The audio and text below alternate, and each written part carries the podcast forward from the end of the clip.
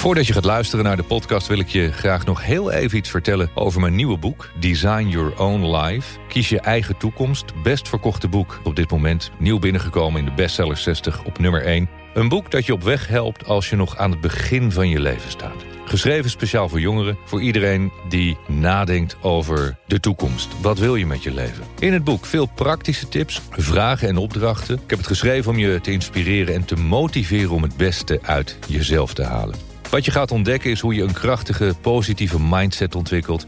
Hoe je omgaat met angst en stress, hoe je rust in je hoofd vindt... en hoe je invulling kan geven aan jouw meest ideale leven. Te koop bij iedere boekhandel en natuurlijk ook online.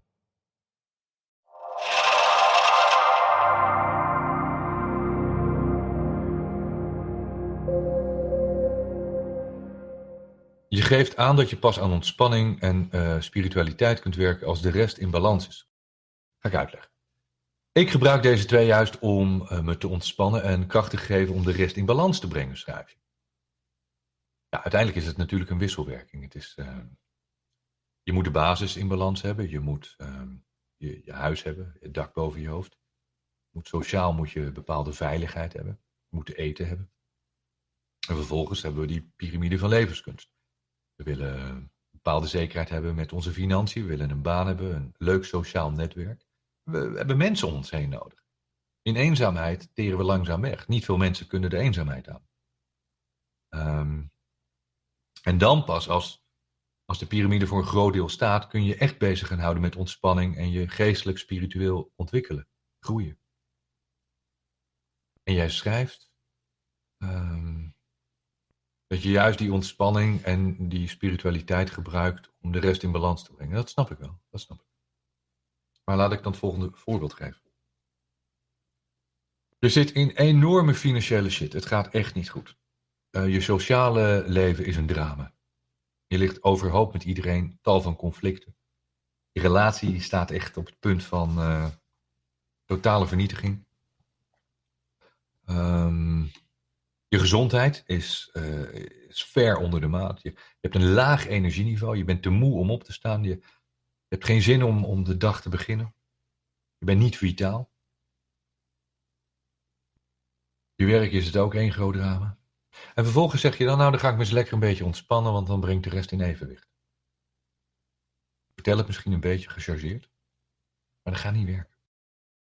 Het is een beetje dat je dat je de zevende en de achtste verdieping aan het uh, decoreren bent, aan het uh, redesignen, nieuw behangertje en zo. Le leuk bezig. Terwijl de eerste paar verdiepingen van het huis op instorten staan. Echt waar. Dus ja, het is een bepaalde wisselwerking. Als de rest enigszins in balans is en er is een bepaalde harmonie, en dan moet je af en toe tot rust komen. Je moet vooral tot rust komen. Je kan niet altijd maar doorgaan. En vooral niet altijd maar doorgaan met die zorgen en die problemen. Af en toe moet je rust hebben. Zo belangrijk. Ik denk dat veel mensen dat vergeten, om die rust voor jezelf te nemen, voldoende slapen, maar ook gewoon tijd om plezier te maken, tijd om niks te doen, tijd om te mediteren, tijd om gewoon te genieten van de natuur. Om je heen te kijken. Dus als je het zo bedoelt, is het goed. Maar verschuil je niet in die ontspanning en die zogenaamde spiritualiteit om andere problemen achter het behang te stoppen. Dat zie ik wel vaak gebeuren. Dat mensen pretenderen van ja, maar ik ben nu ineens heel spiritueel. En ik vind het best hoor, ga maar in allerlei eh, clubjes zitten. Ik vind het allemaal goed en doe het vooral en ga elke dag mediteren. Maar het gaat niet je financiële shit oplossen. En niet je problemen op je werk. En niet je relatieproblemen. En niet je gezondheid. Ook niet als je een monnik bent op een berg in India en Tibet. Dan ook niet. Ook die mensen, die werken op basis van de piramide van levenskunst. Alleen ze zorgen dat alles in balans is. Dus verschuil je niet achter die zogenaamde spiritualiteit. Het is heel mooi als je, als je dat onderdeel van je leven, die hogere bewustwording, als je daaraan kunt werken. Als je gaat zien wat het grote geheel allemaal voor je te betekenen heeft. Omdat al die andere dingen uiteindelijk ondergeschikt zijn, want dat is zo. Eerst moet het wel in harmonie en balans zijn met elkaar. Maar ik denk dat je het begrijpt en dat je het goed doet. Hoe kan je voor jezelf beginnen zonder financiële middelen? Wat heb je nodig als je begint als ondernemer?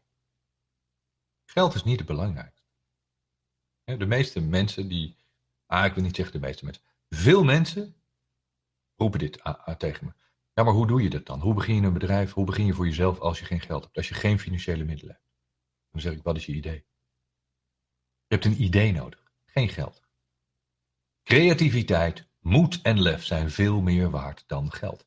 Als je echt een goed idee is er altijd iemand die daarin wil investeren.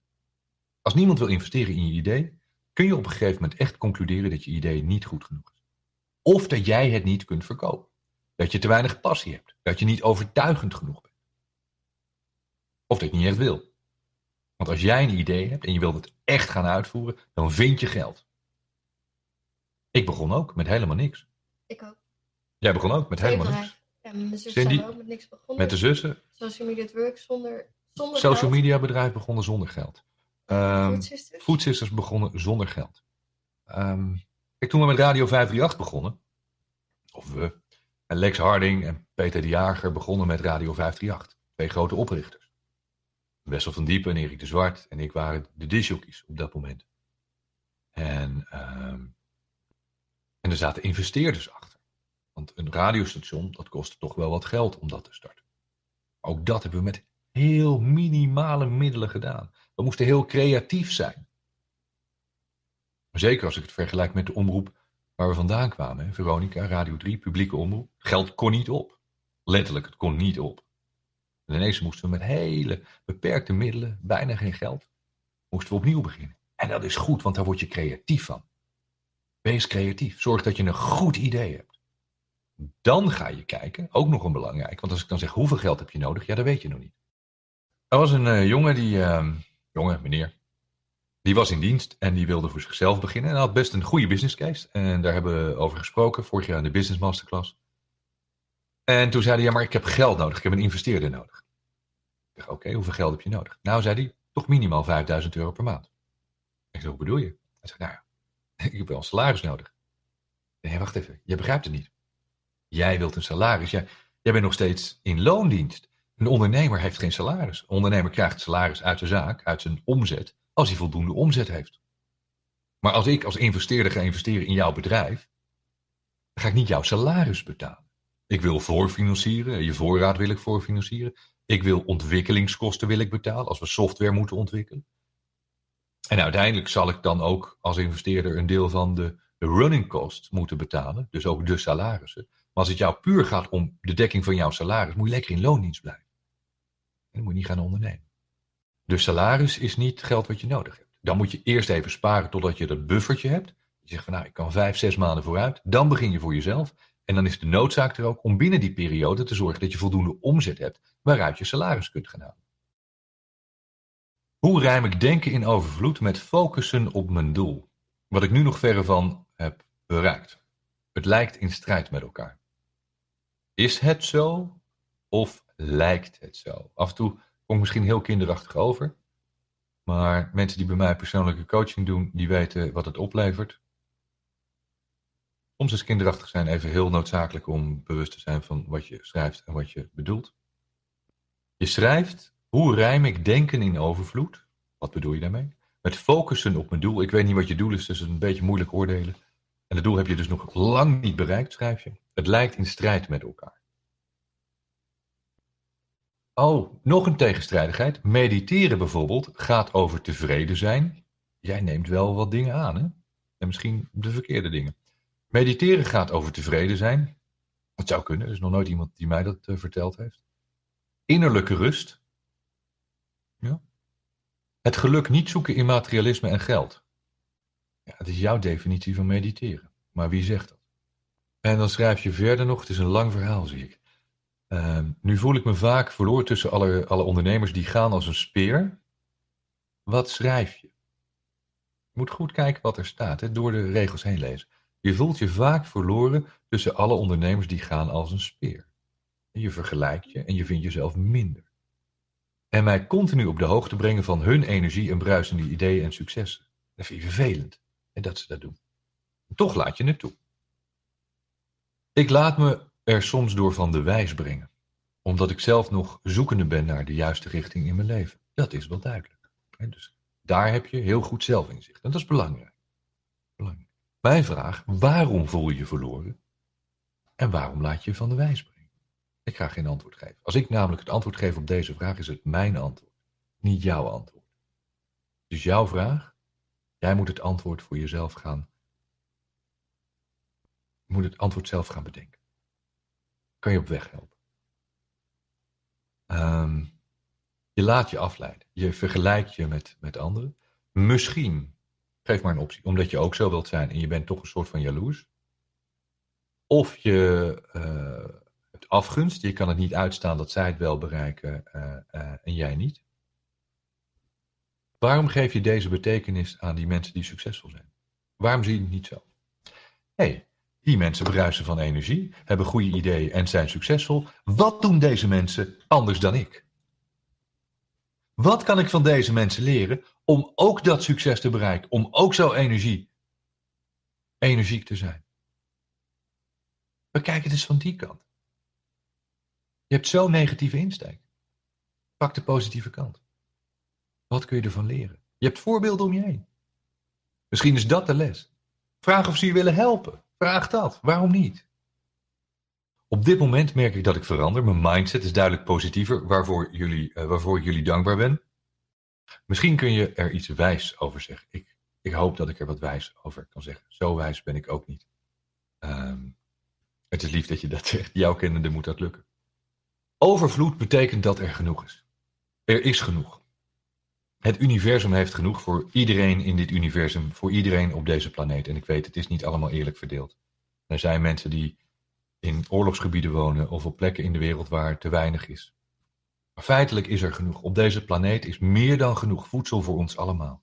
Meer dan genoeg geld voor ons allemaal. Dat we het een beetje oneerlijk verdeeld hebben, dat hebben we zelf gedaan. Dat is de hebzucht van de mens. En we willen helemaal niet gelijkheid. We willen het helemaal niet eerlijk delen met iedereen. En we willen veel te veel voor onszelf. Als we het allemaal eerlijk zouden verdelen, zouden we allemaal een fantastisch leven in overvloed kunnen leven. En daarom laten de goede mensen, wij, jullie, op deze aarde dan maar zoveel mogelijk geld verdienen, zodat wij kunnen bepalen wat we met dat geld doen en aan wie we dat geven en wie we ermee kunnen helpen. Er is echt genoeg. Zo zit dit universum in elkaar. Daarom is er een wet van de aantrekkingskracht. Het is allemaal zo'n uitgedacht, doordacht systeem. Het is allemaal geen toeval. Maar die overvloed ontstaat niet uit passief zijn. Niet uit op je luie kont op de bank blijven zitten, televisie kijken en wachten totdat uh, die Gaston op een gegeven moment aanbelt. Dat is toeval. Sorry. En die kans is klein. Je moet wel duidelijk bepalen wat je wilt. Je moet vragen aan de kosmos, als je erin gelooft. En als je er niet in gelooft, jammer, dan laat je de kans voorbij gaan. Wat je wilt. Het postorderbedrijf. Je moet de bestelling doen. En je moet er iets voor over hebben. Het is, het is geen kermis. Je moet er wel iets voor opofferen. Wat heb je ervoor over om dat te krijgen in je leven? Ik weet, wees ook heel duidelijk in wat je vraagt. Het is, als jij vraagt, ik wil een zwarte broek, dan kan dat een mannenbroek zijn, een vrouwenbroek zijn, maat 40. Ja, wees heel specifiek. Het universum werkt als een postorderbedrijf. Een online shop. In uh, les 7 ga ik het nog even kort samenvatten en uitleggen. Zo werkt het en niet anders. En als jullie inmiddels, de meeste van jullie Think and Grow Rich wel gekocht en gelezen, staat er allemaal in. Letterlijk. De wereld zit vol met kansen. Kansen komen elke dag voorbij. De wereld zit vol met rijkdom. Het geld ligt daadwerkelijk echt op straat. Hè? Het ligt op straat. Je moet je ogen open doen. Ik kan me nog herinneren, dit is, een echt gebeurd verhaal. Ik was, uh, ik ben nieuw oud. Ik werkte volgens mij bij 538, dus wel een jaar of 25, 26 zijn geweest. En ik stond een keer in de kroeg in Hilversum. En daar woonden nogal wat uh, succesvolle ondernemers uh, met heel veel geld. en we hadden zo'n vaste avond in de kroeg. En ik sta op een avond uh, in de kroeg met een van die uh, heren te praten. Ik zal zijn naam niet noemen. Hij had onder andere ook een grote platenmaatschappij. En hij heeft John de Mol ooit eens van zijn ondergang gered. Echt een boeiende, aardige man. En hij zei: Mike, ik heb altijd zoveel ideeën. En ik kan ze nooit allemaal uitvoeren. Maar ik weet zeker, als ik hier nu in die kroeg Als ik aan tien van die gabbers van jou, hier. Als ik mijn geweldige ideeën ga vertellen. Waarmee ik zeker weet dat ik miljoenen ga verdienen. Als ik ze aan jullie ga vertellen. Weet ik zeker dat er geen ene fuck van terecht komt. Maar jullie doen er niks mee. Dus ik geef het weg. De ideeën, alles, ik geef het weg. Hij zegt, ik, ik kan het zelf toch nooit allemaal gaan waarmaken. Ik kan het niet uitvoeren. Hij zegt, en ik, ik roep het wel vaker. Dan zeg ik tegen iemand, joh, ik heb een goed idee. Als je hier wat mee gaat doen, dan garandeer ik je, binnen een paar jaar ben je multi, multi, multimiljonair. Hij zegt, mensen voeren het nooit, hè? Of ze zijn te stom, of te lui, of ze denken, ja, laat die oude gek, die zal wel dronken zijn. Maar Willem was niet dronken. Ik dat Willem voor 250 miljoen in de quote staat. Overvloed is er echt. Is dit er echt. Ik had er ook mijn twijfels over toen ik uh, bijna 2 miljoen in de min stond. Toen dacht ik ook van waar is de overvloed? Blijkbaar even niet bij mij. Maar goed, een paar jaar later is hij teruggekomen en toen is het ook allemaal weer goed gemaakt.